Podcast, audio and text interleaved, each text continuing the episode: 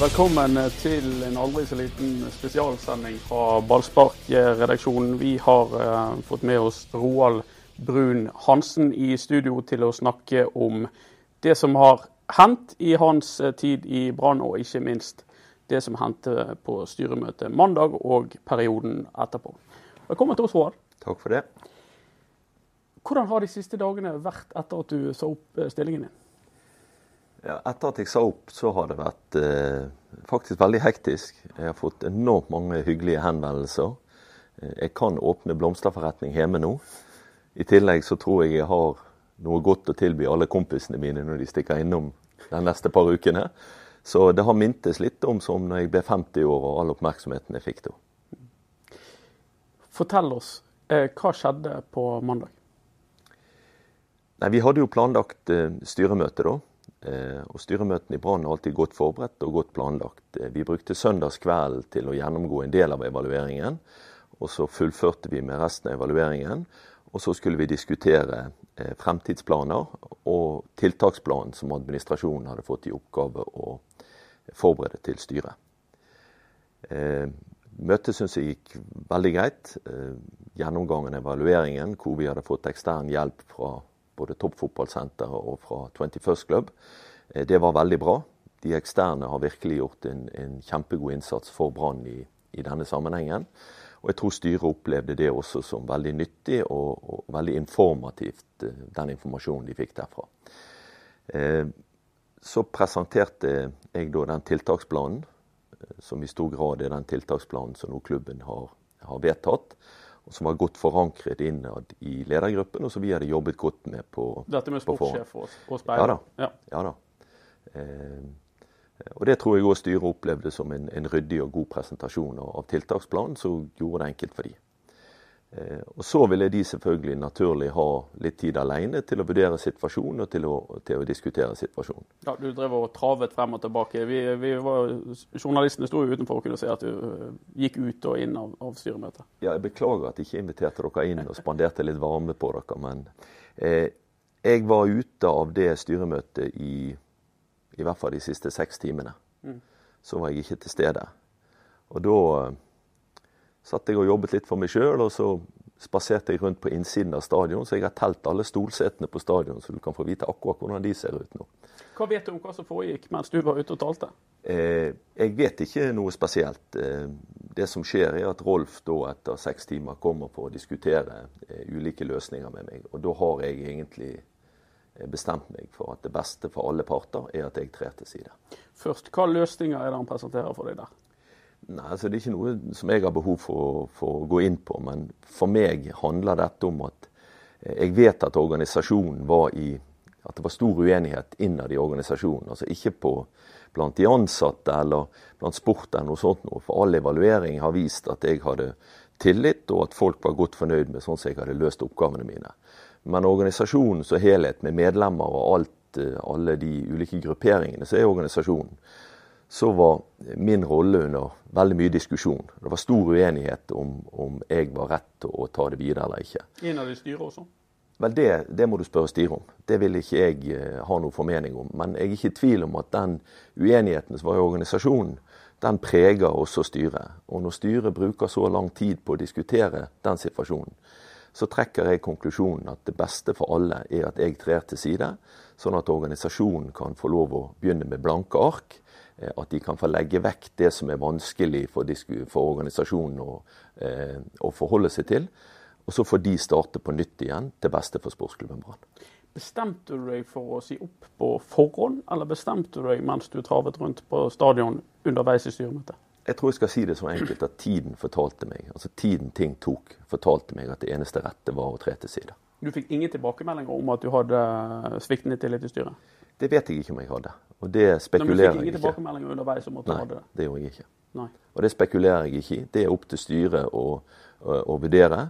Men jeg opplever at det beste for Brann var at jeg tredde til siden, og det tror jeg er det rette for klubben.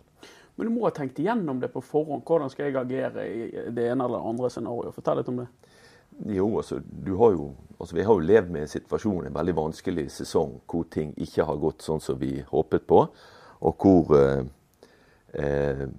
resultatene har uteblitt, og kritikken har kommet som en naturlig del av at resultatene har uteblitt. Og Da er det naturlig at du reflekterer hva er best å gjøre. Men for meg var det viktig at når vi først rykket ned, så måtte vi gjøre en ordentlig evaluering av ting. Sånn at vi hadde en god dokumentasjon for de valgene vi skulle gjøre videre. Og Derfor var det helt unaturlig for meg å ta stilling til ting før vi var ferdig med evalueringen. Og så måtte vi begynne å vurdere hva er da best å gjøre. Mm. Sier du at det er tiden det tok å fange opp at dette tar så lang tid, dette, eh, dette orker jeg ikke, og så går du inn og sier opp? Sier opp? Nei, altså For meg er, er, det så enkelt at når det tar så lang tid, så forstår jeg at dette er en så vanskelig sak at uansett hva løsning du velger, eh, så er utfallet komplisert for klubben. Mm. Og Da følte jeg at den beste løsningen for klubben det var at jeg tredde til siden. Det har vært rapportert i, alle fall i ett medium at det var en votering, en avstemning om at du måtte gå. Det, eh, harmonerer det med ditt inntrykk? Det er ukjent for meg. Og hva som har skjedd på det styremøtet, det må du spørre styret om. Hvordan reagerte styret på at du sa opp? Eh, Rolf ble skuffet og lei seg. Det er han som jeg snakket med om det. Eh, når jeg kom inn på styremøtet, han hadde orientert de andre, og jeg kom inn og snakket med de andre, så opplevde jeg vel at det var en, en lettelse i styret. Eh, jeg opplever at de som er i, og har sittet i styret, eh, er glad i meg som menneske. Eh, og at de syns det har vært en vanskelig eh, prosess og en vanskelig sak. Og at når jeg da valgte å løse situasjonen sånn som jeg gjorde det, eh, og samtidig var imøtekommende overfor de, så tror jeg det var en lettelse for de, og da tror jeg ja, en lettelse i den forstand at uansett hva valg de hadde gjort, eh, om jeg hadde blitt sittende, så hadde de måttet leve med en enormt eh, vanskelig situasjon i organisasjonen. Mye kritikk, og det hadde blitt vanskelig for de som skulle jobbe i organisasjonen, å gjennomføre oppgavene sine på best mulig måte. Det tok enormt lang tid, det styremøtet. 13 og en halv time eh, varte det. Og det var på forhånd bebudet at både din situasjon og trenerens eh, situasjon skulle diskuteres. Eh, oppfattet du det som en ydmykelse at de ble sittende så lenge og diskutere om de hadde tillit til deg? Nei, jeg, altså jeg oppfatta det som at det var veldig vanskelig for dem. Mm. Eh, men det er ikke tvil om, for min del som leder, enten har du tillit, eller så har du ikke tillit. Det finnes ikke noe midt imellom. Mm. Eh, og det forholder jeg meg til, og har ikke noe problem med det. Situasjonen er vanskelig fordi at veldig mange har ytret kritikk mot undertegnede som leder. Samtidig som alle de ansatte som jeg har jobbet med, og ikke minst sport som jeg har hatt et, et viktig lederforhold om for et nært forhold til, har vært veldig støttende eh, i forhold til min rolle og min situasjon. Og Det gjør situasjonen vanskelig for de som skal ta beslutninger. Hva var klokken når du bestemte deg for å gi deg? Nei, Det var vel når Rolf kom inn og, og, og, diskuterte det de hadde diskutert inne. Da tok det meg veldig kort tid å si at uh, jeg tror det er best at jeg Over midnatt? Ja, han var over midnatt. Over midnatt. Vibeke Johannessen er konstituert som uh, ny daglig leder i Brann. Ja. Um, var det et uh, godt valg? Ja, det er et godt valg. Hvorfor det? Vibeke har hjertet sitt i Brann. Hun er flink, og arbeidsom, flink til å arbeide som menneske, som kommer til å stå på som bare det for klubben. Hun er godt likt innad i, i klubben. Hun er godt likt hos støttespillerne til klubben. Eh, og Vibeke er en, eh, en flott, eh, flott, personlighet for sportsklubben Brann, og hun kommer til å gjøre en veldig god jobb for dem. Men det var ikke hun som var nestkommanderende under deg? Nei, det er, er Terje Martinsen. Men han er økonomisjef. Å være økonomisjef i Brann for tiden, det kan jeg love deg en ting. Det er 24-7-oppgave. 20 timer i døgnet? Ja, gjerne det. Det er en veldig krevende oppgave for Terje, og jeg har full forståelse for at Terje ba organisasjonen finne en annen løsning, for han har mer enn nok med økonomien. Hvor går veien videre nå for Roald Brun Hansen? da? Har du rukket å tenke på det? Ja, altså Det første jeg skal gjøre nå, er å være en god, eh, god ektemann for Tone og en god far for Thomas og Magnus. Det skal jeg nå bruke tid på, for det har ikke jeg vært flink til i, i den siste tiden. Eh, og så skal jeg være en god kompis for alle kompisene mine, for jeg har mange. Eh, og så, så, får vi se etter nyttår eh, hva vi gjør. Men jeg er ikke i tvil om at som menneske så kommer jeg til å vokse på dette. Som leder så kommer jeg til å bli bedre. Jeg er veldig innstilt på å komme tilbake igjen som en enda bedre leder enn det jeg har vært. Og for norsk fotball kommer jeg alltid til å være en, en bidragsyter. Kommer du til å fortsette å jobbe med fotball? Det vet jeg ikke, jeg har ikke reflektert over det. Men å bidra overfor norsk fotball, det kommer jeg til å gjøre alltid. vi så at uh, den kvelden uh, på mandag uh, så travet du frem og tilbake. og du tok òg en telefon seint på kvelden. Hvem ringte du til? Nei, Det får vel bli mellom meg og den jeg snakket med. Var det Trond Moen? Nei, jeg snakket ikke med Trond den kvelden. Har du snakket med Trond Moen etter dette? Jeg har snakket med Trond, ja. Hvordan reagerte Trond Moen på at du så opp? Trond er en veldig god venn av meg. Han har vært en veldig god samtalepartner i mer enn 15 år for meg. Han har vært en mentor for meg i forhold til eh, mitt lederskap. Eh, og i en sånn sammenheng som dette også, så viste han forståelse og støtten her. Utover det så svarer Trond best for eh, hva han mener om denne saken. Det ble rapportert om at han subsidierer din sluttpakke, er det riktig? Ja, Det kan jeg avkrefte. Det kan du avkrefte? Ja. Har du en sluttpakke? Det vil jeg ikke kommentere. Fikk du en fallskjerm? Det vil jeg heller ikke kommentere. Mottar du lønn i tiden fremover? Det har jeg ingen behov for å kommentere. OK. Men du sier at du, du, var forberedt på at dette kunne bli et utfall i forkant, men du hadde ikke bestemt deg for å, å si opp. Hva går gjennom hodet ditt i, i, i sekundene, minuttene og, og, kvarterene før du bestemmer deg for å gi deg? Nei, altså... Du hadde, du hadde, ikke lyst Du stiller her i branndrakt i dag. Eh, det er rimelig åpenbart at du har vært glad i den jobben du har, har ja, hatt. Ja, og jeg er Brann-supporter. Mm. Jeg gikk på Brann stadion første gang i 1971. Og når du er supporter for et fotballag, så er du det hele livet. Du mm. svikter allerede det laget du er supporter for. Mm. Og for meg er det helt naturlig. Jeg har ingen bitterhet, jeg har ingen vonde følelser. Sportsklubben Brann er en fantastisk eh, berikelse for hele Bergen by. Eh, jeg er glad i klubben og jeg kommer alltid til å støtte han. Men de hevet over tvil om at du var glad i jobben din. Du hadde ikke lyst til å gi deg? Nei, altså, Når du er glad i klubben din, så er du glad i jobben din. Jeg er glad i de menneskene jeg har jobbet sammen med. Jeg er glad i alle de relasjonene jeg har gjennom, gjennom den jobben jeg har. Jeg har trivdes på jobben hver eneste dag. Men, men, noen ganger så er det sånn at du innser at det rette er å For meg var det i hvert fall sånn. At det rette er å si at nå, nå er det nok. Nå kan noen andre overta. Det er det beste for fellesskapet, og da skal ikke jeg stå i veien. Du sa du hadde fått en eh, rekke tilbakemeldinger etter at du gjorde dette. Kan du fortelle litt om det? Altså, det går jo stort sett på støtte. Eh, forståelse og respekt for det valget jeg har gjort. Eh, fra veldig mange mennesker, både fra innad i klubben, fra de som er rundt klubben, fra viktige støttespillere til klubben, og selvfølgelig fra venner og bekjente som jeg har over det ganske land. Spillere? Spillere også. Er det spillere som har ringt deg eller kommet med støtteerklæringer til deg etterkant? Det er det. Hvem er det? Nei, det får bli mellom meg og de. Mm. Men varme og gode tilbakemeldinger? Ja, ja da. Det er en voksen spillergruppe med mange flotte Eh, mennesker i. Så det, det overrasker meg ikke. Hvordan har du sier selv du har fått mye kritikk både innad i medlemsmassen i, i stororganisasjonen Brann eh, og ute. Hvordan har det vært for deg, og hvordan har det vært for eh, dine nærmeste? Ja, altså, mine nærmeste tror jeg har taklet dette på en, en, god måte. Selv om jeg tror eh, spesielt for Tone så er det eh, frustrerende hele tiden å, å måtte se at det ene avisoppslaget etter det andre eh, er urettferdig overfor den jeg er, og overfor den oppgaven jeg, prøver å løse. Men eh, hun er en fantastisk støttespiller for meg, sånn at det Hun har ikke på noen måte vist noe annet enn støtte til meg i de situasjonene uansett. Sånn at det har ikke vært noe ikke vært noe eh, problem. Eh, når det gjelder meg sjøl, så jeg blir mer opptatt av at folkens, dette er rett. Dette er ikke sånn vi skal holde på, enn at det er rettet kritikk mot meg. Jeg er mer kritisk til Jeg har ytret kritikk tidligere i min periode her overfor mediumene og for avisene. At man har åpnet disse kommentarspaltene i forbindelse med alle saker som skrives i, i avisen.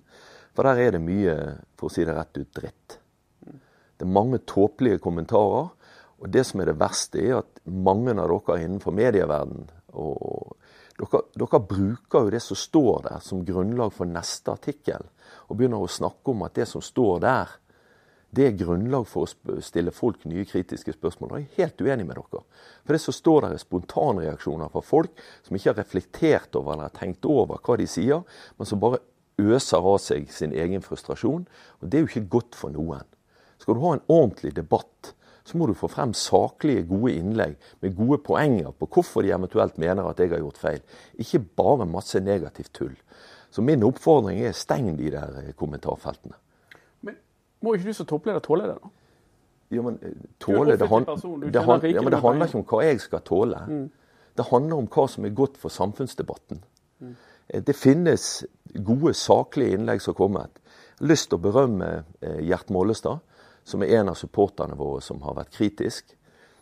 Han er en reflektert, ærlig fyr som kritiserer saklig. Mm. Og det har jeg ingen problemer med. Mediedekning, da? Har har, du, eh, har du, hatt problemer med den? Har du følt deg forfulgt? Nei. Altså, jeg, jeg er jo ikke den sprøeste nelliken i buketten, Anders. Så eh, det har gått veldig greit. Jeg har vent meg til å, å, å, leve med media. Jeg har respekt for media sin rolle.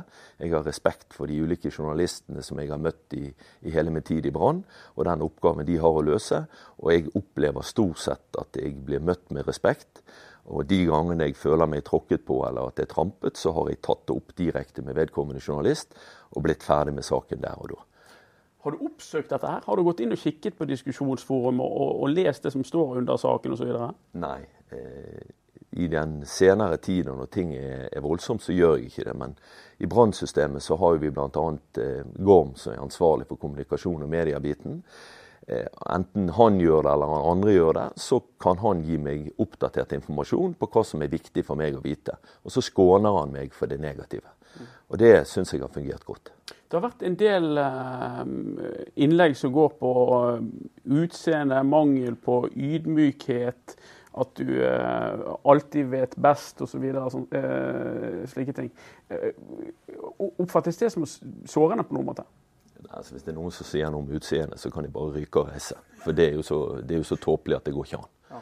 Men eh, om, om, jeg oppfattes som eh, lite ydmyk og, og, selvgod, så tror jeg det er viktig å faktisk ta det til seg og være oppfattet. Hvis folk oppfatter deg sånn Skjønner du at du kan bli oppfattet sånn? Ja, altså, Jeg liker jo å, å, snakke for meg. Jeg er jo tydelig, og jeg liker jo å være tydelig. Og da skjønner jeg at det kan bli oppfattet som selvgod. Så den type kritikk, det respekterer jeg, for det er sånn folk oppfatter meg. Og det, det, må, du, det må, du, ta til deg og forstå. Men eh, om folk begynner å gå til angrep på utseendet mitt, det ryker og reiser. Den kritikken som har kommet, er det den som til syvende og sist har gjort at du nå har gått av? Nei, altså den, med all respekt, den preller av på meg så lenge som jeg har støtte og føler at de menneskene jeg jobber for og med, mm. Eh, opplever at det jeg gjør, er bra for dem. Men jeg skjønner at det blir et problem for organisasjonen, og da blir det også et problem for alle de menneskene jeg skal jobbe med. For Rikard Nordling å fortsette som trener med undertegnede som sin sjef, som hele tiden er utsatt for kritikk, det gjør ikke jobben til Rikard Nordling enklere. Og da er det kanskje det riktig. Ja, altså Jeg føler det riktig nå å tre til side til beste for organisasjonen, til beste for klubben. Føles det surt da at den kritikken som du åpenbart mener er usaklig og uberettiget, ender opp med at du i en senere runde her går av? Nei, altså det er ikke surt. Det er sånn det er. Eh, jeg syns Doddo hadde et greit innlegg på det der. at altså, Uansett hvordan du snur og vender på det, så er det sånn noen ganger at noen må trekke det korteste strået eh, og tre til side. Og jeg opplever at denne situasjonen var sånn. Eh, de som er kritikere, de som kritiserer saklig, de har jeg respekt for. De som kritiserer for å kritisere, det hører jeg ikke på. Hva feil har du gjort, Roar? Hva er det du angrer på? Vi kan begynne med årets sesong.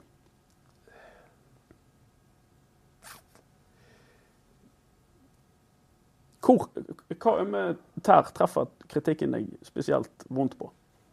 Hva er det du altså- tenker at ja, her, her er det et poeng? Eh,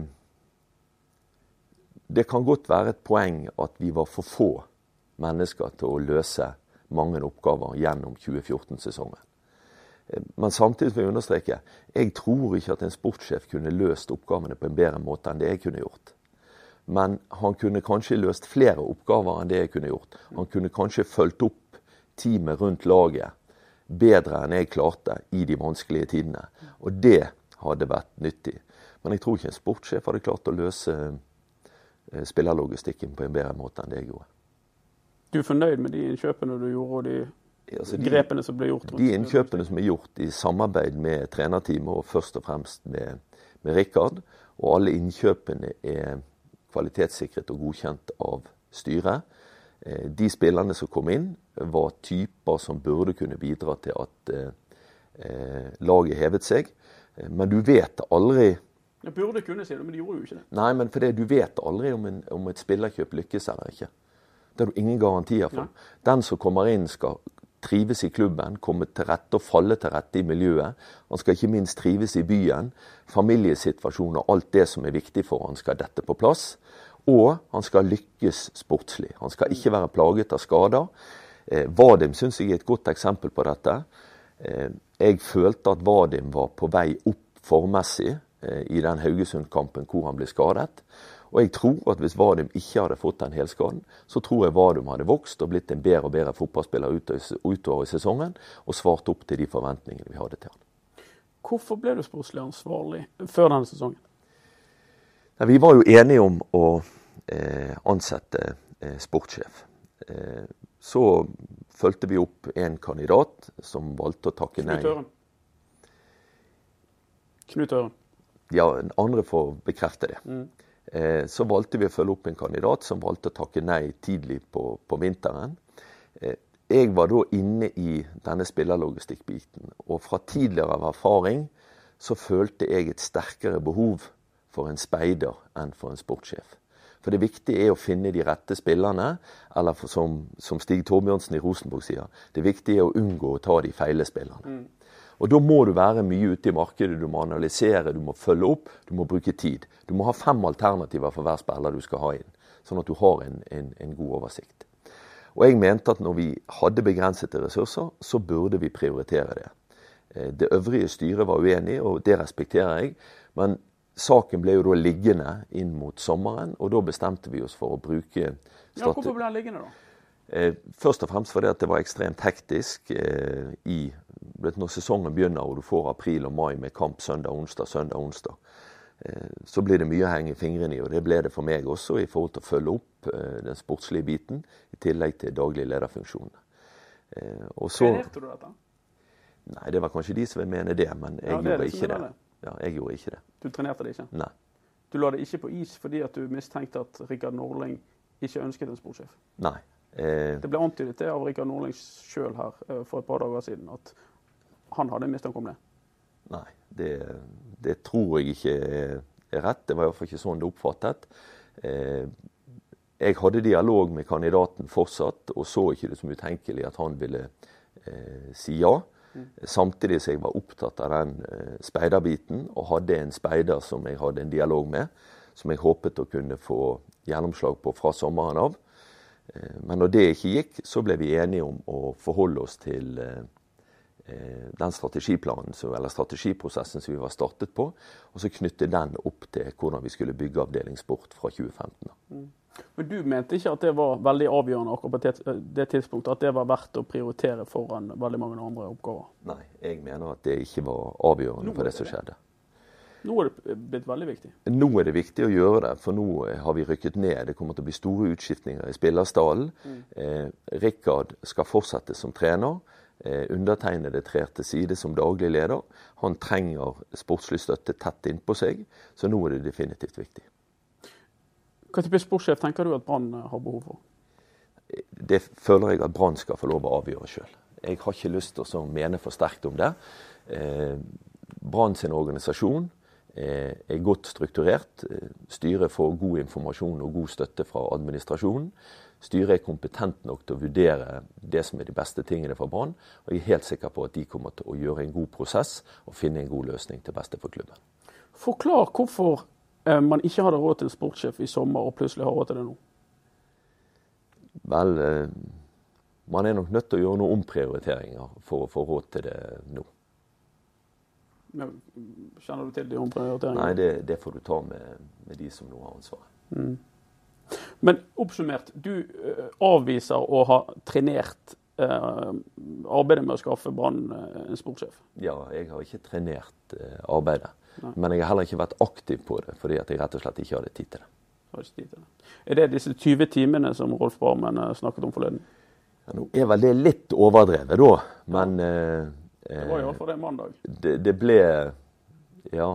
Din siste arbeidsdag ble 20 timer. Ja, den ble lang. Det er sant. Mm. Men eh, eh, jeg har jobbet mye Men du må huske at mitt hovedansvar i sportsklubben Brann det er å sørge for at vi har en forsvarlig økonomi, og at vi er i stand til å betale våre regninger og våre forpliktelser. Mm. For meg er hele tiden det eh, førende for de valgene vi må gjøre.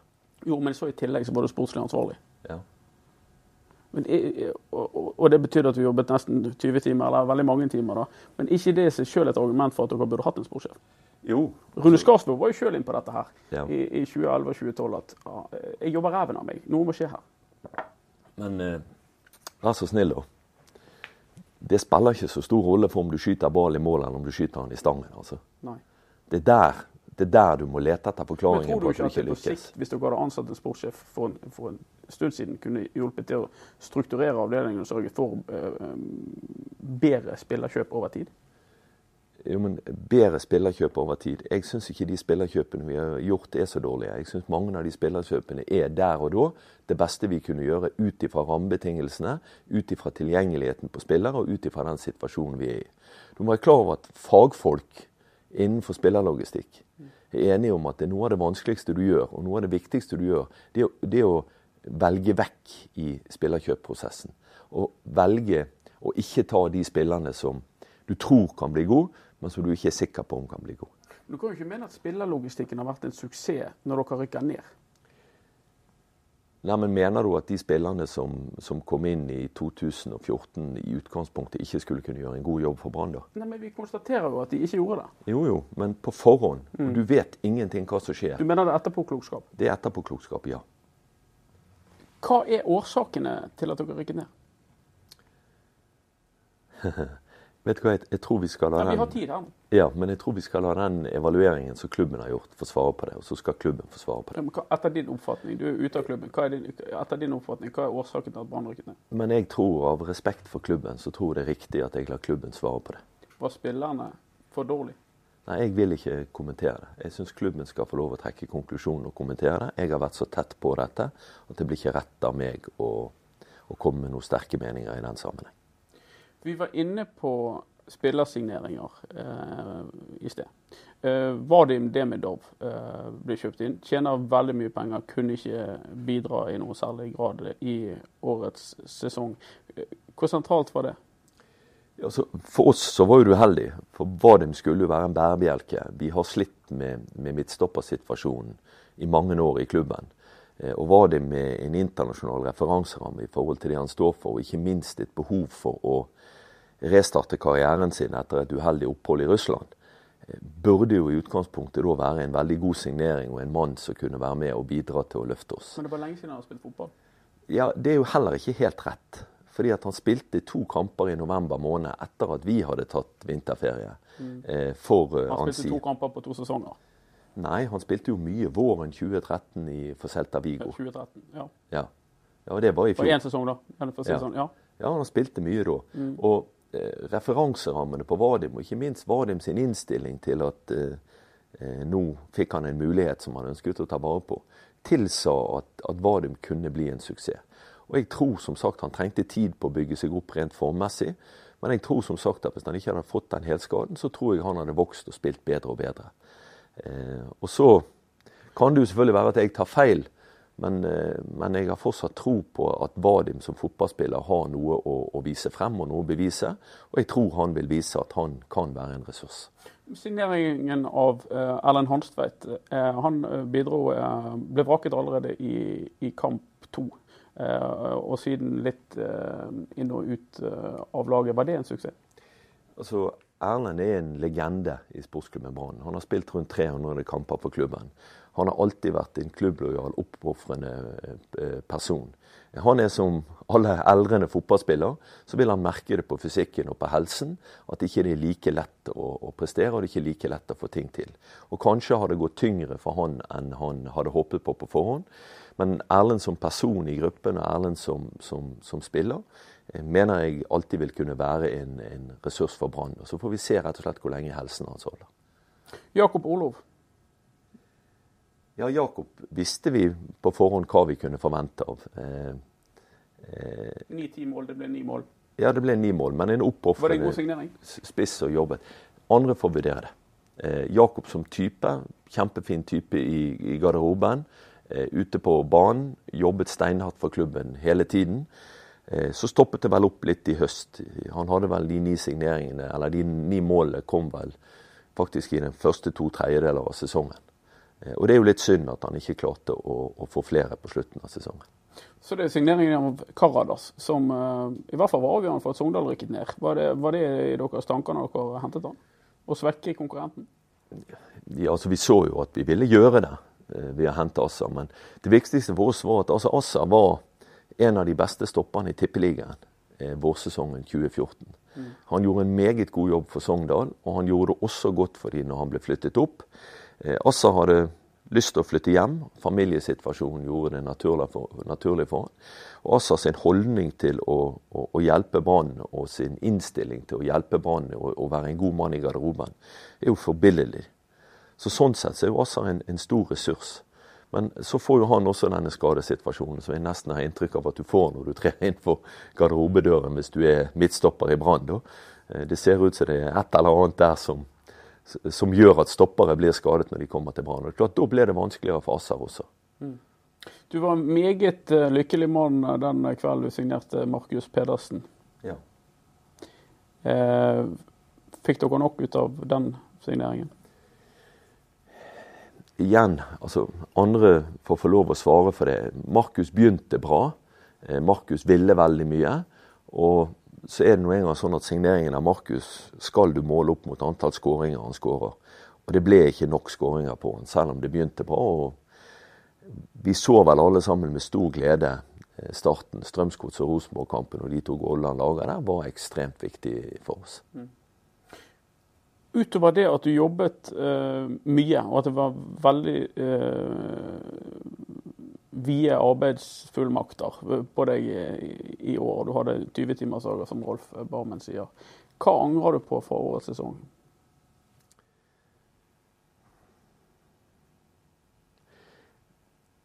Altså, vi, vi var eh, alle sammen eh, veldig godt fornøyd med situasjonen i det vi kaller for preseason. Eh, Rikard kom inn. Eh, slo ned noen vegger og laget åpent kontorlandskap og åpnet dørene og åpnet armene sine for, for alle. Eh, vi var trygge på alle sammen at det kom til å frigjøre mye, mye positiv energi. Eh, de første månedene var det god stemning, god latter og, eh, og mye energi. Og god stemning?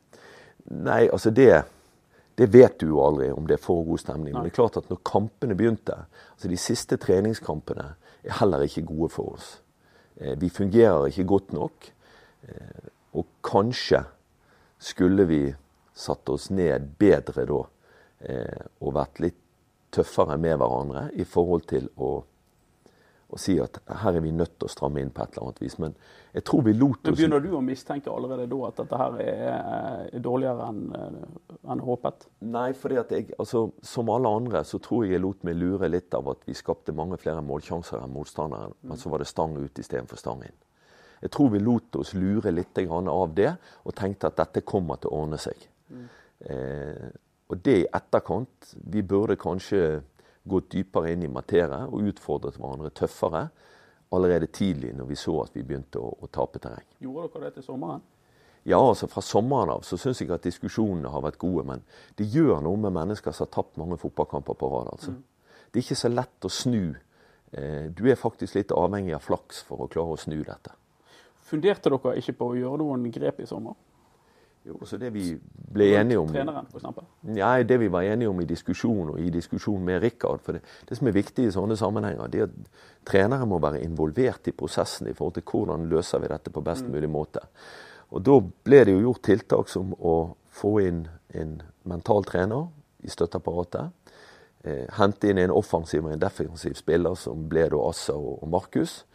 Og I tillegg så fikk vi eh, Baji opp og gå igjen som var viktig. Og Det mener jeg at de tiltakene vi var, vi var godt fornøyd med vurderingen vår at det ville være gode tiltak for å få skuten på rett kjøl igjen. Dere lå veldig dårlig an. Dere funderte ikke på å sparke treneren? Nei, det gjorde vi ikke. Har dere ikke på noe tidspunkt i, i år fundert på det? Nei, altså, Det har ikke jeg lyst til å gå inn på om vi på stadion fungerer, funderer på sånne ting. Men utgangspunktet er at vi hadde stor tillit til Rikard Norling. Eh, vi opplevde Rikard Norling og opplever Rikard Norling som en, en, ressursperson og som et meget godt eh, menneske i en sånn situasjon. Og som et reflektert menneske over det han holder på med og det han jobber med. Og som et menneske som takler omgivelsene sine i vanskelige situasjoner på en imponerende måte. Men når du nå har gått av, og Rikard Norling sitter, blir du da ansiktet på, eh, på denne forferdelige sesongen? Symbolet på han? Altså, for, eh, for, mange av kritikerne mine så er jeg det, og det får vi respektere. Men i mine øyne så har ikke jeg noe følelse av å være noen form for syndebukk. Ligger ikke noen innrømmelse i det, at du gikk av? Nei, for meg er det Altså, jeg går av fordi at det er det beste for klubben i den situasjonen vi var i. Mm. Og det er ikke en innrømmelse fra min side, men jeg respekterer at folk mener at eh, jeg hadde et stort ansvar for dette. Eh, og så trer jeg til side for at klubben skal få begynne med blanke ark. Men du gir ikke kritikerne rett? At du Nei. har gjort en for dårlig jobb? Nei, jeg gir ikke kritikerne rett. Det gjør jeg ikke. Har du gjort en for dårlig jobb? Nei, altså, Jeg som alle andre har løst, eh, kan løse oppgaver bedre enn det som har vært løst. Og jeg kunne vært mer våken, spesielt i eh, i den tidlige fasen når resultatene begynte å gå mot oss, og prøvd å bidra til bedre interne diskusjoner i forhold til hvordan vi kan løse dette. Mm. Men, men, du har vært en omstridt mann i veldig, veldig mange år. Eh, helt siden sesongen etter, etter uh, gullet. Had, er det det som hefter med deg ennå? Ja, altså, det er jo så, du at det er sånn? Det, det, er jo sånn, Da er vi jo tilbake igjen til hvem som skal ta beslutninger i sportsklubben Brann. Ja. Er det de som sitter tettest på og vet hva som foregår, eller er det de som står på utsiden og danner seg populistiske meninger om hvem som har skyld, og hvorfor verden ser ut som den gjør? Og For meg er det det første som teller. Men jeg er nok blitt offer for at en del av de beslutningene jeg har tatt, og en del av det ansvaret jeg har hatt, har hatt opp gjennom årene, har ført til at ting ikke har gått bra. Og da blir det heftende ved deg at folk opplever at eh, det er din feil, og at du blir syndebukken. Men er det unaturlig å se for mennesker som, eh, som ikke er inni ditt hode, at, at, man plukker deg ut som symbolet på nedturen fra 2007 og til 2014? Nei, jeg har full forståelse for at det skjer. Altså Det logiske i dette her forstår jeg veldig godt. Det har bare gått én vei. Ja da, og det logiske i dette forstår jeg. Ja. Men, men da, må du, da, må du, begynne å starte med utgangspunktet. Mm. Eh, når jeg begynte i sportsklubben og Brann, så hadde vi en spillerstall hvor det var to spillere som var under 23 år. Og det var ingen lokale ungdommer eller noe sånt som eksisterte. Mm. I 2005 og 2006 så brukte sportskommunen Brann 42 millioner kroner på å kjøpe spillere. De hadde en aldrende spillertropp, og de hadde syv førsteklassespillere på utgående kontrakter. Det var det du fikk i fanget? det du sier? Og, og for å si det sånn, pengekassen var tom. Mm. Og selv om vi tjente masse penger i 2007, så var penger til å investere for å komme videre, det var der ikke. Verken i klubben eller i hardball. Du brukte ikke lang tid på å sikre det, da? For det tok vel ikke veldig mange måneder før man kjøpte en ny spiss? Ja, og det er fordi at Trond hjalp oss. Mm. Hvorfor hjelper Trond deg så mye?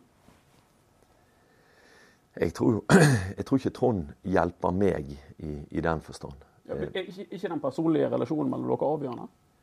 Eh, det må du nesten spørre Trond om. Men eh, ikke det ditt inntrykk?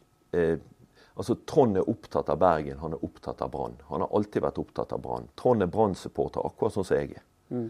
Eh, og han er opptatt av at Brann er bra for Bergen. Mm. Eh, det forstår jeg. Og så blir utgangspunkten for det jeg er opptatt av å, å spørre han om og diskutere med han, det blir at jeg, jeg, prøver å forstå hva syn han har på dette, og så blir diskusjonen deretter. Mm. Eh, at vi har en god relasjon og at vi alltid har snakket godt sammen, det er ikke noen ulempe eh, for sportsklubben Brann når undertegnede har vært eh, enten sportssjef eller, eller, daglig leder. Men jeg tror vi skal ha respekt for at Trond Moen eh, er opptatt av helheten når han velger å, å, å gi støtte. Han er opptatt av at det gjøres en god jobb, og at folk gjør en god jobb til beste for fellesskapet i det de gjør, det er sånne ting som Trond verdsetter høyt. Har han makt? Trond? Mm. Selvfølgelig. I Brann? Ikke på annen måte enn at han er en bidragsyter og en støttespiller. Men det i seg sjøl er jo makt? Ja. Men... Hvor mange millioner kroner har han gitt dere under din regjeringstid, hvis du kan si, bruke det uttrykket? Det er mange. Veldig mange. Ja. Har det gitt en innflytelse? Eh, jeg lytter til Trond sine synspunkter og meninger, men det er alltid styret som tar beslutningene i sportsklubben Brann. Og når jeg legger frem Og sånn føler jeg at vi har bygget opp og klart å bygge opp organisasjonen i min regjeringstid. At det er styret som tar de viktige beslutningene i klubben. Det er administrasjonen ved daglig leder som legger frem et best mulig saksgrunnlag for styret, og som er så åpen og ærlig overfor styret, og så offensiv som mulig overfor styret, i forhold til å få beslutninger som er best mulig for klubben. Etter gullsesongen 2008, det er vel da det begynner eh, med at du begynner å få massiv kritikk eh, fordi eh, dere selger Torstein Helstad. Ja. Eh, og ikke beholder han slik at han kan spille eh, Champions League-kvalifisering mot Marseille. Mm. Eh, fortell om den situasjonen. Det var jo en vanskelig valg. Det var en vanskelig situasjon. Eh, det blir vurderingen av Torstein var jo skadet i, i, i denne perioden. Eh, han fikk et tilbud fra eh, Le Mans som for han var et svært godt tilbud i hans alder. For oss var det et økonomisk veldig godt tilbud for en 31-åring. Og så skal du vurdere om du vil få optimalt ut av han om han blir skadefri, som ingen av oss visste sikkert, eh, til å kunne gjennomføre disse Champions League-kampene. Eh, vi var jo ekstremt nære ved å lykkes i Champions League-kvalifiseringen. Vi ligger jo på 1-1 i Marseille. Og det er vel 15 minutter før slutt når, når Trond Fredrik har en eh, absolutt kvalifisert målsjanse. Hadde vi satt 2-1 da, så hadde jo vi vært i Champions League. Men Kanskje Helstad hadde satt den 2-1? Ja, Det kan være. Det får vi jo aldri svar på. Jeg har ingen problemer med å forstå at, eh, at folk blir kritiske til en sånn situasjon. Men det valget som ble tatt, det ble tatt av klubben. Det ble ikke tatt valget, det det av? Roald Brun Hansen. Det ble tatt av klubben. Mons var involvert i diskusjonen. Styret var involvert i diskusjonen. Eh, beslutningen ble tatt av klubben. Av hvem i klubben? Ja, det er styret til syvende og sist som sier ja til et salg. Ligger det da i vurderingen at det er greit å selge Helstad, for vi har en erstatter noenlunde klar? Ja da, så det er klart Den biten er jo en del av det hele. Og det er jo mitt ansvar i forhold til at jeg var overbevist om at, eh, at vi hadde Igalo på plass. Og, og Igalo, selv om han ikke var helt samme spillertype som Helstad, så hadde han gitt det angrepet den nødvendige trøkket som vi trengte. For er det noen sak som har heftet ved deg, så er det 'gentleman's agreement'-uttrykket og Odion Igalo. Ja. Ble du lurt? ja, men jeg var ikke aleine. Nei. Hva mener du med det? Nei, Per Ove var jo med meg. Per Ove var med deg. Og han var like sjokket som jeg var over fremgangsmåten og, og måten de menneskene handlet på. Men du trodde du hadde han i boks? Ja, det trodde Per Ove også. Per Ove var den som initierte og skapte kontakten inn mot agenten rundt Igalo. Eh, og Per Ove var veldig enig om at eh, Igalo som spiller ville være en kjemperessurs for, eh, for Brann. Og, og vi trodde begge to når vi shake hands med, med Igalo og agenten hans, at dette var i boks. Så vi ble begge like overrasket over den vendingen saken tok. Kunne ikke man bare fått en signatur? Han ville ikke signere der og da. Og Kunne man luktet lunten der? Og, Ja, altså vi, vi diskuterte det jo både Per Ove og jeg at det var ikke helt, men samtidig så respekterte vi jo at det var viktig for han å, å først konferere med familien sin og på en måte lande det hos familien før han signerte. Det respekterte vi jo. Var problemet her at du eh, solgte skinnet før du hadde skutt bjørnen? Er det det i større grad enn noe annet som var problemet? Ja, altså I etterkant så, så tror jeg det er en riktig beskrivelse av det. Og eh, Hvis jeg hadde fått gjort den saken om igjen eh, altså, Kanskje det aller viktigste her var at tidspresset var stort, og du fikk begge sakene samtidig. Altså Helstad Igalo samtidig. Eh, og fra Torstein sin side så ble det presset enormt på for å få avklart dette. Og hvis vi hadde holdt holdt det en dag til, så kanskje. Men da måtte vi sagt til Torstein sorry, dette blir vi ikke med på. Du får bli. Og jeg, jeg, vet ikke hvordan det hadde slått ut. Nå uh, har jeg ikke lyst til å beskylde Torstein for, for, noe som helst. For jeg tror at når Torstein trekker, trekker drakten over hodet, så gjør han sitt aller beste uansett hvem han spiller for. Men uh, for Torstein hadde det vært et enormt slag i trynet hvis han ikke hadde fått den muligheten.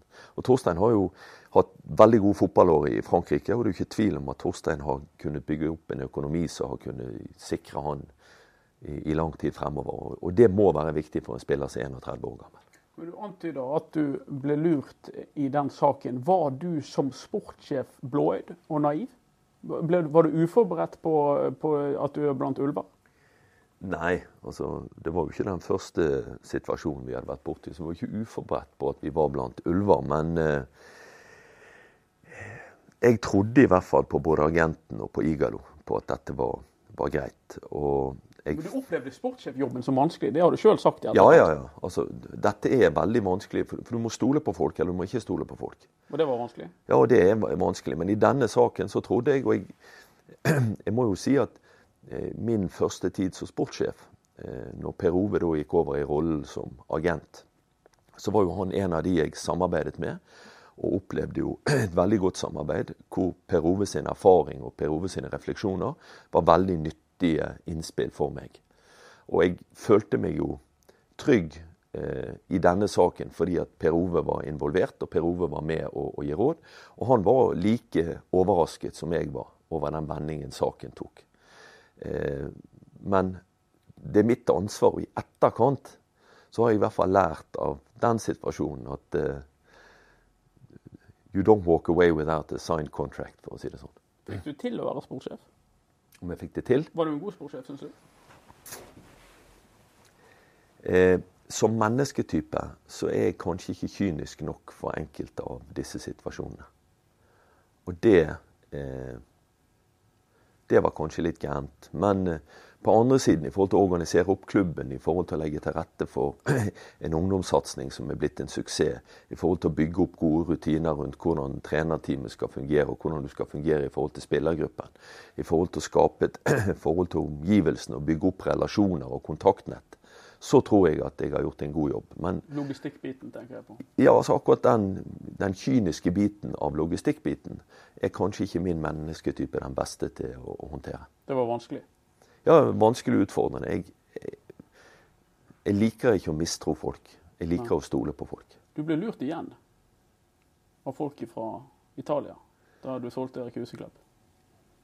Ja, eller hvem fikk siste stikket der, egentlig?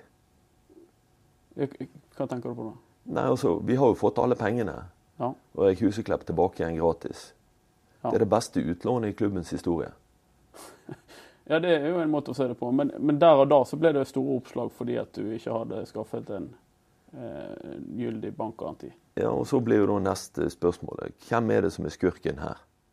Er det bankdirektøren som skriver under på et papir om at han stiller en bankgaranti, og så, så prøver etterpå å si at det formelle ikke er helt i orden, så derfor så trekker han seg?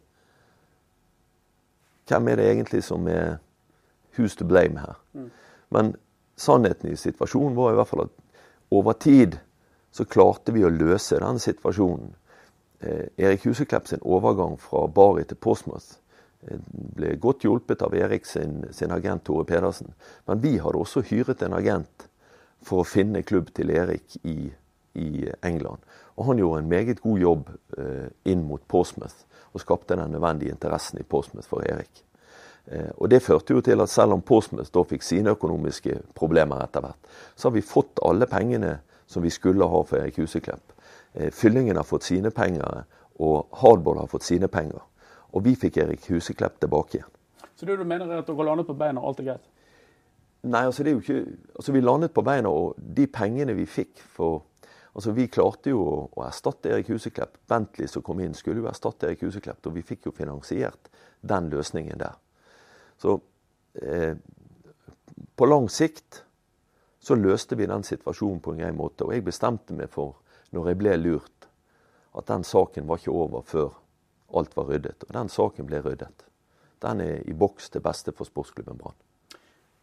En siste ting som, har, blitt, eh, som har heftet ved deg. Eh, det har vært en momskompensasjonssak. Den føler jeg har vært beskrevet ja, vi, utførlig i, i media. Hvis vi tar momskompensasjonssaken Ja, hvis du ønsker det, så må du bare kjøre på. Ja, Vi mente at den momskompensasjonen ikke hadde noe med bedriftene i toppfotball å gjøre. Mm. Men så var det en god del toppfotballbedrifter som fikk momskompensasjon i langt større grad enn dere gjorde. Men fra året etter så er det ingen som har fått det. Men det året? Ja, Men fra året etter så er det ingen som har fått det. Så jeg spør bare hvem hadde egentlig rett? Nei, Du hadde egentlig rett, men du fikk ikke noe penger. Nei, men jeg er mer opptatt av at de pengene hører hjemme i breddeidretten i Norge. De hører hjemme i den dugnadsbaserte idretten i Norge. De hørte ikke hjemme i toppfotball. Og det står jeg for. Men det året så var det en rekke fotballklubber jo, men jeg mener, fortsatt, jeg mener fortsatt at det blir feil. Mm. Så du ville ikke hatt det hvis du kunne fått det? Ja.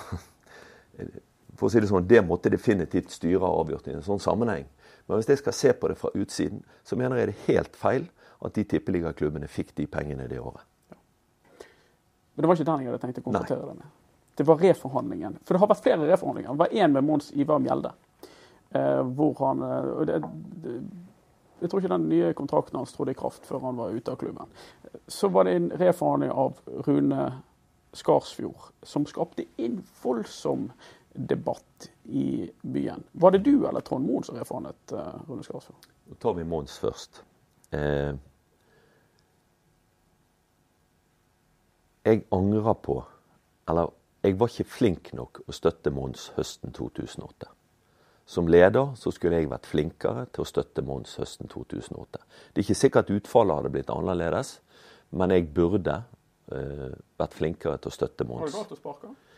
Uh, det er ikke opp til meg å, å, kommentere. Men det er ikke det du sier, eller? Nei, altså situasjonen ble som situasjonen ble. Men som leder så skulle jeg støttet Mons bedre. Ja, På, på hvilken måte da?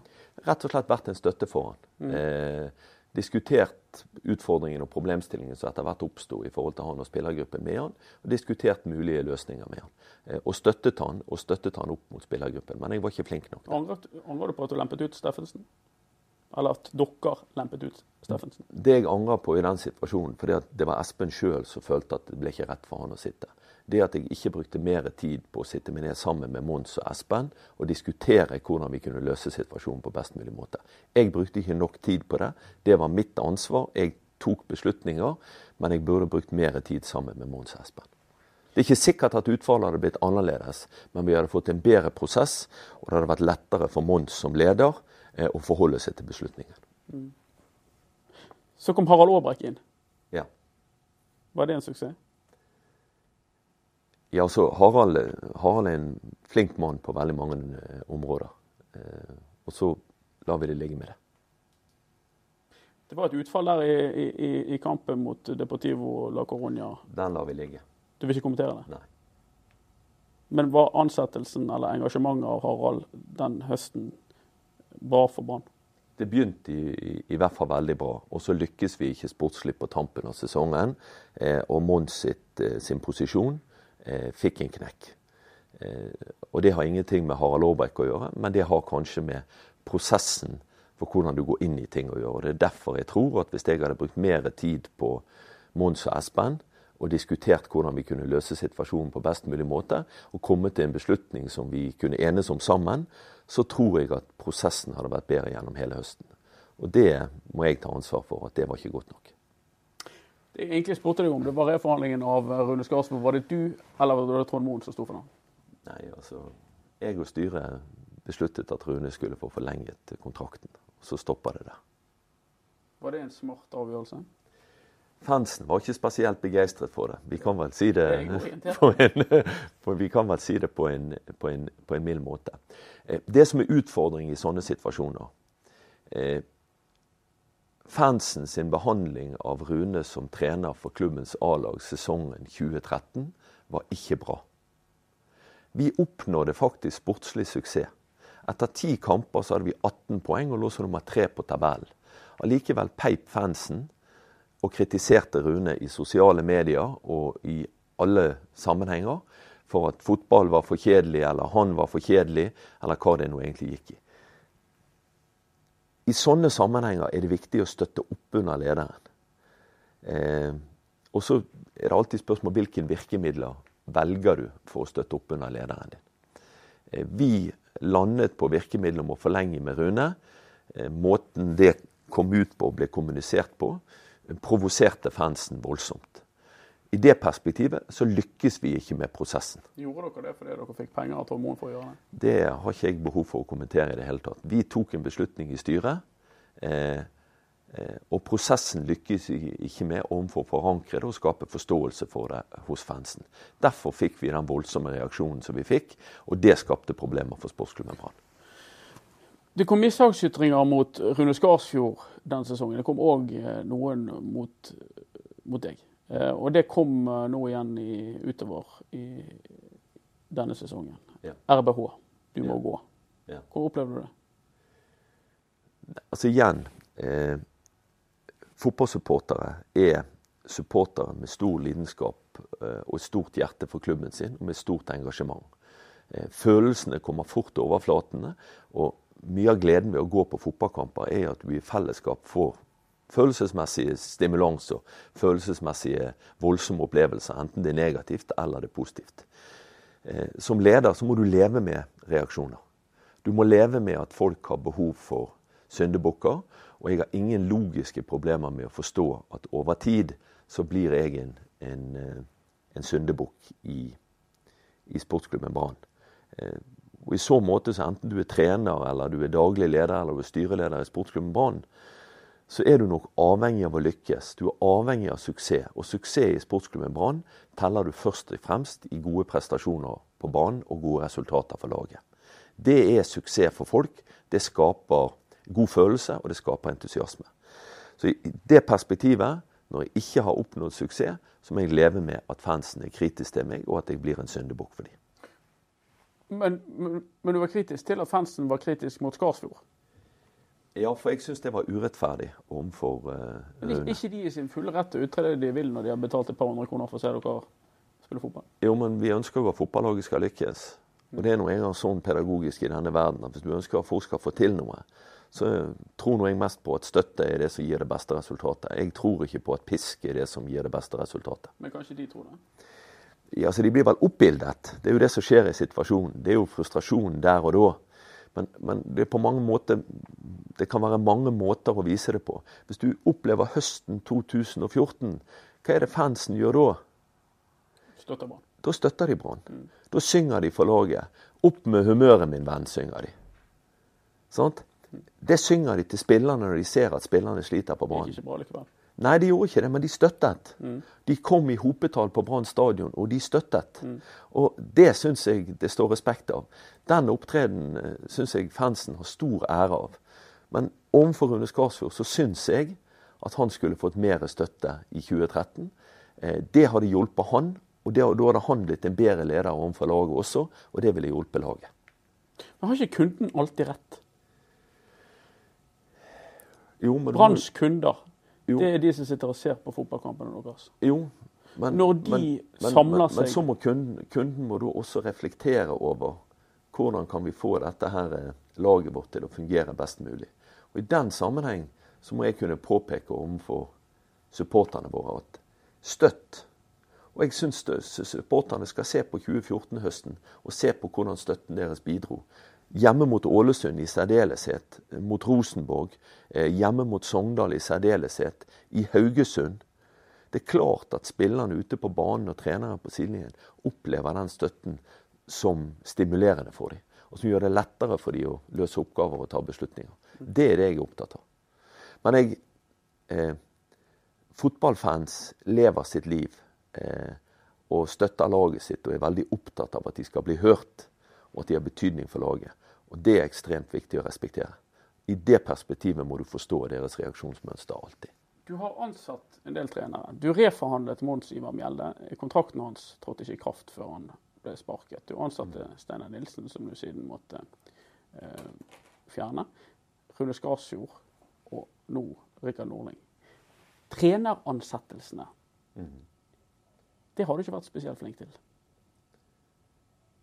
Eh, tja. Du syns du var flink til det?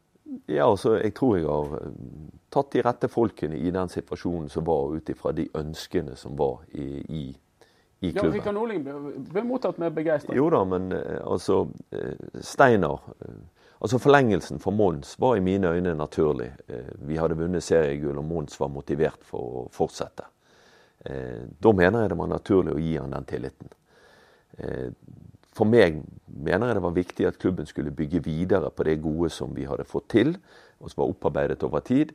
Eh, det vi kanskje ikke var flinke nok til å vurdere, både Mons og jeg i den situasjonen, det var jo spillerstallen og muligheten til fornyelse av spillerstallen. Eh,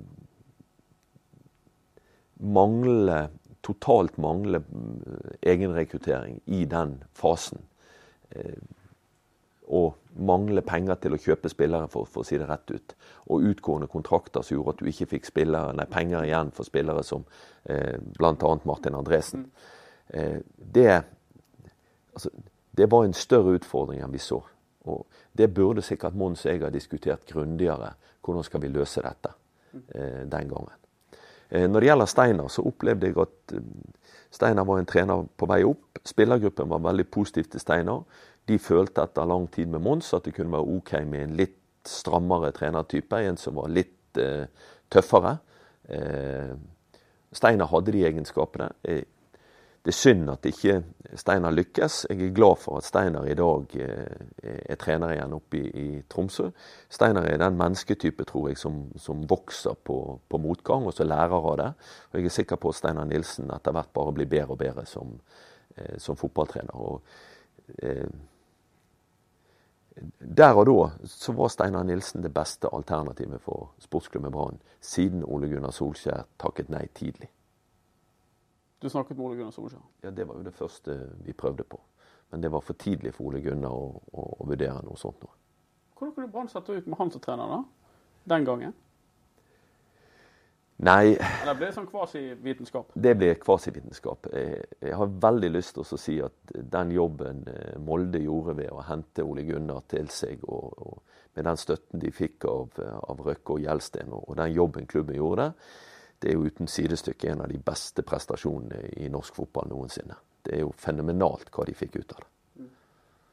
Og så ansatte du assistenten til Steinar Nilsen. Ja, og det, så må du huske det at å ansette fotballtrener i Brann Du kjøper ikke en fotballtrener på, på supermarkedet. Nei. Det er en krevende og vanskelig prosess. Det å gi folk tillit innifra har jeg veldig stor tro på.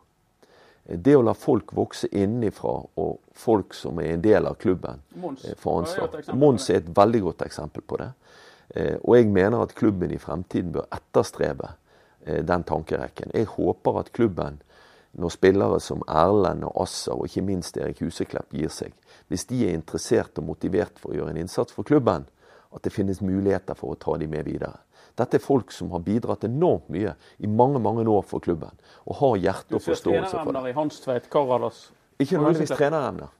Men det kan være andre, andre, egenskaper som de har som mennesker. Mm. Eh, Erik Huseklepp er vel kanskje den fotballspilleren i Brann jeg mer enn noe annet ønsker at skal lykkes i, i 2015. Fordi jeg syns han fortjener det.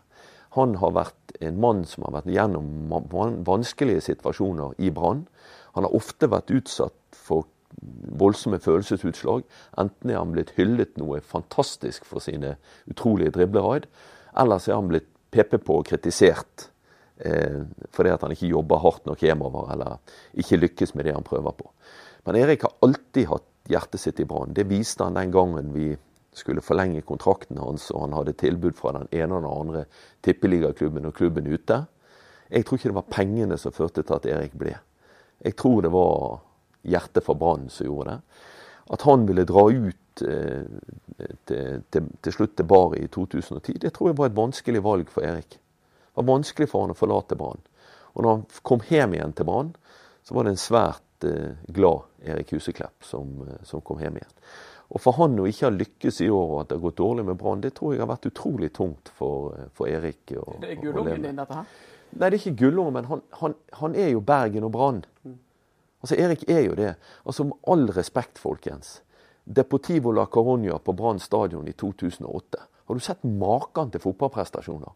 Han drilte jo disse her spanske meritterte proffene opp og ned på tribunen i 90 minutter sammenhengende. Målet hans mot Stabæk i gymsalen i 2009, da han tupper han bort i lengste vinkel. Altså Det er jo prestasjoner på, på verdensnivå. Men det er lenge siden? Ja, det er lenge siden. Men det er jo, det er jo gutten fra Sandsli som har gjort dette her, da. Så skal ikke vi få lov å fremheve han og håpe og, og at han lykkes, sånn at han er det forbildet han alltid har vært for alle andre som har lyst til å prøve seg i, Bergen. Altså, Jeg sto på tribunen når Jonas Grønner spilte fra start. Jeg tror det var første kampen han spilte fra start. Jeg sto ved siden av Kasper Skånes og, og Bård Finne. Eh, Rune Soltvedt og Helge Nilsen sto litt lengre borte på tribunen. Og Jonas leverte en kjempekamp. Å se gleden i øynene på de folkene for at Jonas lykkes. Altså, det er jo det dette handler om. Få frem de lokale guttene. De som jobber med det. Opplev den suksessen som det er. La nå Erik Huseklepp lykkes, sånn at han får rettferdiggjort det fantastiske potensialet han har, og får avslutte karrieren sin i Brann på en best mulig måte. Og det tror du skjer? Du tror han kan komme tilbake? Jeg håper det. Ja, men tror du det? Ja, altså Eriken, når du er blitt eldre Jeg har veldig stor tro på Jeg har jo relativt tung faglig utdannelse også innenfor trening og fotball og den type ting. Og jeg tror jo at den eneste måten å være god jo eldre du blir, du må faktisk trene mer og mer. Mm. Og du må leve enda mer som en toppidrettsutøver. For det er kroppen, kroppen blir mer og mer sliten. Du trenger mer hvile for den aktiviteten du driver med. Og du trenger riktig trening, og du trenger riktig næring og kostholdsinntak og alt dette her. Og det er ekstremt krevende når du er familiemann og har ansvar for, for, for kone og barn og hus og hjem og alt dette. Men jeg håper at Erik klarer det. Jeg håper Erik lykkes. Erik i førstedivisjon for Brann kan jo bli, det kan jo bli ren lightning. Sant? Det kan jo bli 20 mål og hei og hå og full pakke. Jeg håper det for Eriks del. Han fortjener det. En siste ting. Um, en ting jeg gjerne skulle spørre deg om. Ditt samarbeid med Rolf Barmen, hvor tett har det vært? Altså, jeg er veldig opptatt av at daglig leder sin rolle er å spille styret sitt god. Og det har jeg prøvd å gjøre. Jeg har følt jeg har lykkes med det hele tiden. Det kommer. Styrelederen er i så måte en, en viktig person. Eh, Rolf og jeg har mye sammenfallende tanker og, og ideer rundt fotball. og Dermed så snakker vi godt sammen og har jobbet tett sammen. Og Rolf har vært en fantastisk støtte for meg i hele år og i alle sammenhenger. Og er en svært god styreformann for Sportsklubben Brann i mine øyne. Men jeg har også lyst til å si at Lars Mollestad, som var en annen type styreleder enn det Rolf var, er også en mann som har støttet meg i alle sammenhenger og vært en oppriktig god leder for undertegnede. Eh, og etter at Lars ga seg i Brann og eh, vi begynte å få utfordringer utover i 2014, så er Lars en av de som jevnlig har ringt meg og støttet meg og gitt meg råd, eh, og vært en god venn og en god medspiller. Så jeg opplever at de styrelederne som jeg har hatt, har definitivt vært gode medspillere for meg. Men har, har de kommet med korreksjoner? Ja, ja, ja. ja. Definitivt. For det, det, Jeg har lest at det har blitt fremstilt som litt sånn gutteklubben-greie. At du beskytter Rolf, du skryter av Rolf, Rolf er utrolig flink. Og Rolf skryter av deg og sier du er utrolig flink, og så går vi videre, og sånn blir det. Ja, sånn, sånn, er det ikke. Eh, jeg har fått korrektiver fra Rolf, og jeg har endret ting. Jeg har gjort ting annerledes med bakgrunn i, i samtaler med Rolf. Men Rolf er en dyktig leder og en dyktig strateg han forteller ikke meg at jeg har feil. Han legger frem synspunkter på en klok måte på hadde det vært lurere om vi gjorde sånn og sånn. Så lar han meg ta beslutningen om hva som er rett. Og så forstår jeg at det han gjør, er å si til meg at Roald, jeg tror det er bedre hvis vi gjør det sånn. Og det er godt lederskap i mine øyne. I forhold til de andre medlemmene i styret, da? Jeg har et godt forhold til hele styret. Godt forhold til Mette Nåresætre? Ja da. Ja da? Ja. Godt forhold til Åshild Samnøy, Liv Grete ja. Skjelbred? Ja. Godt forhold til alle sammen? Ja. De var kritiske til deg? Det har de lov til å være. Så det er helt greit? Det respekterer jeg. En av hovedinnvendingene, eller hovedargumentene for um, at du burde gå av i henhold til både medier og en del av fans, er at du var ansvarlig for um, Brann uh, underveis etter å ha lagt en strategiplan fra 2012 til 2015. Mm. I den strategiplanen som Tore Strand karakteriserte som eh, tragikomisk eh, lesning nå sett i ettertid, så eh, ligger det så vidt jeg husker inne planer om at dere skal omsette for 138 millioner kroner. Dere skal ha en plassering på mellom 1 og 4 på tabellen, og dere skal ha et tilskuersnitt på 14 000. Mm. Når du da er ansvarlig daglig leder for Brann i den perioden, er det ikke da naturlig at du må gå? Jo, men Det tragikomiske her er jo at dere ikke sammenligner med det som skjer i Fotball-Norge totalt sett. Eh, man har vel fått med seg at alle har tapt betydelig både inntekter og at publikumsoppslutningen har gått ned fra 10.700 i 2007 til under 6000 i snitt i 2014. Men har dere hatt det verre enn de andre? Nei, men vi er, vi er en del av nedgangen i norsk fotball. Når den strategiplanen eh, ble laget, så forventet vi vekst i norsk fotball. Det har vi ikke fått. Da, får du, da, får kriti, da, får du, kritisere for at vi forventet vekst når vi laget strategiplanen. At det var for overoptimistisk. Ikke for at utviklingen er blitt som den er blitt. Men når det er sagt igjen, hvis du ser på strategiplanen Det du kan være kritisk til i strategiplanen, det er faktisk at i 2014 så oppnådde ikke vi de resultatforventningene vi hadde i strategiplanen. Ikke nærheten. Nei, men det er i 2014. Mm. Resten av strategiplanen i forhold til resultatforventninger kan du leve med. Ungdomssiden har svart helt opp til resultatforventningene. Eh, resultatene på banen I 2011 så har sportsklubben Brann en like god sesong som vi har i 2024. Med det ene unntaket at vi taper cupfinalen istedenfor å vinne den, og at vi taper kampen om bronsemedaljen eh, i siste kamp istedenfor å vinne den, slik som vi gjorde i 2014. Mm. Nei, i, to, i, 2004. Men i 2012 Dere har en strategiplan som skal ende med at dere ender som en stabil toppklubb. toppklubb ja. ja. Så Én til fire dette året, én ja. til tre neste år. Det er mulig dere blir én til tre, men i feil divisjon. Ja da, men nå må du igjen se på at i 2014 så svikter det. Det er vi helt enige om. Eh, er det ikke naturlig at du tar konsekvensen av det og, og går av? Ja, nå har, det... nå har, jeg jo gått av. Så da er jo det men Er det det du har tatt konsekvensen av? Nei, men altså, Dette er en del av, av bildet. ikke sant? Eh, det er en del av bildet. Det er mange som mener at jeg burde ta konsekvensen av det gå av. og Derfor så ytrer de seg veldig kritisk, og det blir et stort trøkk innad i klubben. Så dette er en del av årsaken til at du går av? Ja, fordi du tar ansvar for dette? Ja, altså jeg tar ansvaret for Altså jeg går av med den bakgrunnen i at folk er veldig kritisk til det de har opplevd i 2014, og mener at jeg er årsaken til det. Og det skaper en stor splittelse innad i organisasjonen. Og Da er det beste at jeg går av, slik at organisasjonen får begynne med blanke ark. Så du går ikke av fordi du, du sjøl erkjenner at du ikke har gjort en god nok jobb? Ja, men altså Når resultatene blir dårlige, så har jeg definitivt et ansvar for det. Det er ikke du som spiller fotball? Nei, men jeg har et ansvar for det, og det tar jeg. Ja, Det har du tatt? Ja, men samtidig så er jeg ikke i tvil om at jeg kunne gjort en god jobb med å reise opp igjen Brann nå men jeg hadde vært avhengig av at organisasjonen fikk arbeidsro og arbeidsfred. Det opplever jeg ikke at de ville fått hvis jeg hadde fortsatt, og da er det bedre at andre eh, får ta ansvaret. Mm. Hvor går veien videre for Brann? Det jeg er veldig opptatt av nå, det er at vi må støtte sportsklubben Brann. Eh, bergenserne er glad i sportsklubben Brann. Vi som er medlemmer og supportere i sportsklubben Brann, er opptatt av at Brann skal lykkes. Det vil gi positive opplevelser, det vil gi selvtillit til hele byen. Da er det viktig at vi støtter de som nå har ansvaret. Vi må støtte de som sitter i styret. Vi må støtte eh, Vibeke, som nå skal være i hvert fall foreløpig konstituert daglig leder. Vi må støtte Rune Soltvedt, som skal være sportssjef. Og vi må støtte Rikard Norling, som er trener. Det håper jeg vi alle kan gjøre nå. Nå har vi fått en ny mulighet.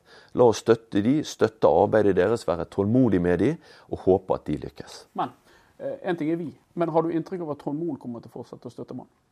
Ja, altså igjen, Trond har allerede et klart uttrykk for at han er eh, bergenser og han støtter Brann. Og jeg er helt sikker på at Trond kommer til å være støttende til Brann fortsatt. Tidlig for eh, en time siden så sa du at eh, det var dine omstruktureringer, eller du hadde vært med å sette ditt preg på eller foreslå de omstruktureringene av klubben som kommer nå med sportssjef og eh, speider. Det koster mye penger eh, å ansette disse menneskene. Er det Trond Moen her som er inne og bidrar med finansiering? Det tror jeg nesten styret i, i Brann må eh, få lov å svare for. Men jeg er helt sikker på at eh, Trond Moen vil lytte fornuftig til det styrelederen styrelederne i Brann har å si til han. Så ditt inntrykk er ikke at Brann nå eh, havner i ulykker ved at du går av og eh, din relasjon til Trond Moen er kjent osv.? Nei, eh, jeg tror Trond Eh, respekterer min situasjon og samtidig respekterer klubben sin situasjon. Trond har allerede gitt uttrykk for at han vil støtte Brann, og det er jeg helt sikker på han kommer til å gjøre. Og jeg er helt sikker på at relasjonen med han og Brann kommer til å fortsette å være god. Burde man klart seg uten Trond? Nei. Man burde ikke klart seg uten Trond. Nei. Det må du forklare. Fordi Trond Moen er en støttespiller som ønsker å bidra til å støtte klubben. Og det skal man være takknemlig for. Men skaper ikke det en form for avhengighetsforhold? Jo, men det gjør de i alt innenfor fotballklubber, det.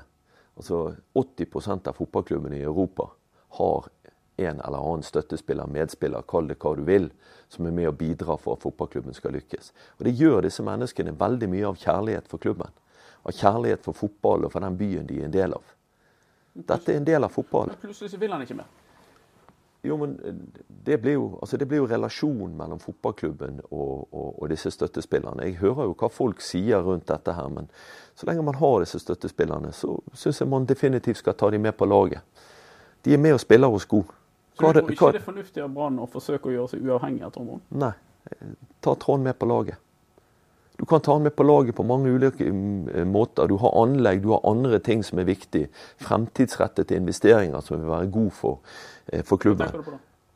Nei, Det kan være eh, treningsforhold, det kan være anlegget, utvikling av anlegget. Det kan være ting som sikrer at ungdomsarbeidet i Brann kan drives videre på en best mulig forsvarlig måte. Det er langsiktige investeringer i fremtiden til beste for, for fellesskapet. Altså, det Trond har bidratt med overfor idretten og fotball, det er akkurat det han har bidratt med. Han har lagt forhold til rette for at man kan drive aktivitet og utvikling på best mulig måte, uten å påvirke beslutninger i idrettslag. Han har gjort det for å sikre at de får gode rammevilkår og gode rammebetingelser.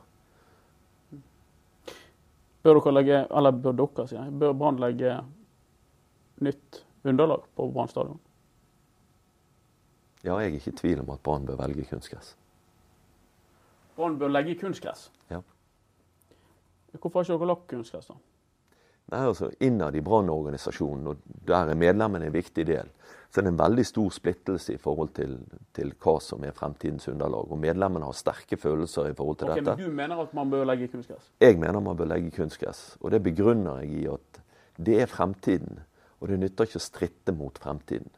Eh, vi har sett undersøkelser som viser at lagene som har kunstgress, har store fordeler av å ha kunstgress. Og du trenger ikke gjøre mer enn å se på tippeligatabellen så ser du hvilken tre lag som ligger i toppen. Det er Molde, Strømsgodset og Odd. Ingen av de, de store, kommer fra de store sørstrekke byene, med et lite unntak av, av Strømsgodset, som kommer fra eh, et stort omland med Drammen. Eh, de har valgt kunstgress. De har lykkes spillestilsmessig. De har lykkes med kvaliteten i fotballen sin, mest sannsynligvis fordi de får øvd under veldig gode forhold på hver eneste trening. Eh, de har en fordel i forhold til at motstanderen kanskje ikke er like godt drillet på å spille på kunstgress som de. Halvparten av tippeligalagene spiller i dag på kunstgress. Brann skal til neste år møte kanskje 11 eller 12 lag på kunstgress og 3 eller 4 lag på naturgress. Jeg tror at om noen år, så om ikke alle, så i hvert fall de aller fleste lagene på, på kunstgress i Norge.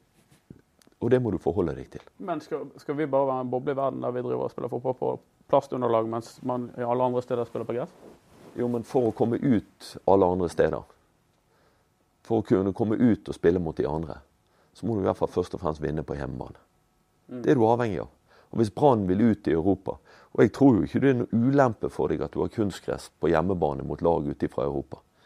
Men så tror jeg faktisk at du, du, må gjøre det. Altså Dette er en utvikling som går, og i norsk fotball kommer ikke denne, dette toget til å, til å stoppe. Det kommer ikke til å bli færre klubber som spiller på kunstgress. Og Da kan du òg se i relasjonen til den eh, antipatien mot det å gjøre noe med seriesystemet som er oppe nå, som har ført til at klubbene har valgt å si at vi fortsetter sånn som det er med 16 lag. Det betyr at innflytelsen fra klubber som Sogndal og Odd og eh, Tromsø og Ålesund, eh, den er fortsatt sterk i norsk fotball. Det er alle kunstgresslag.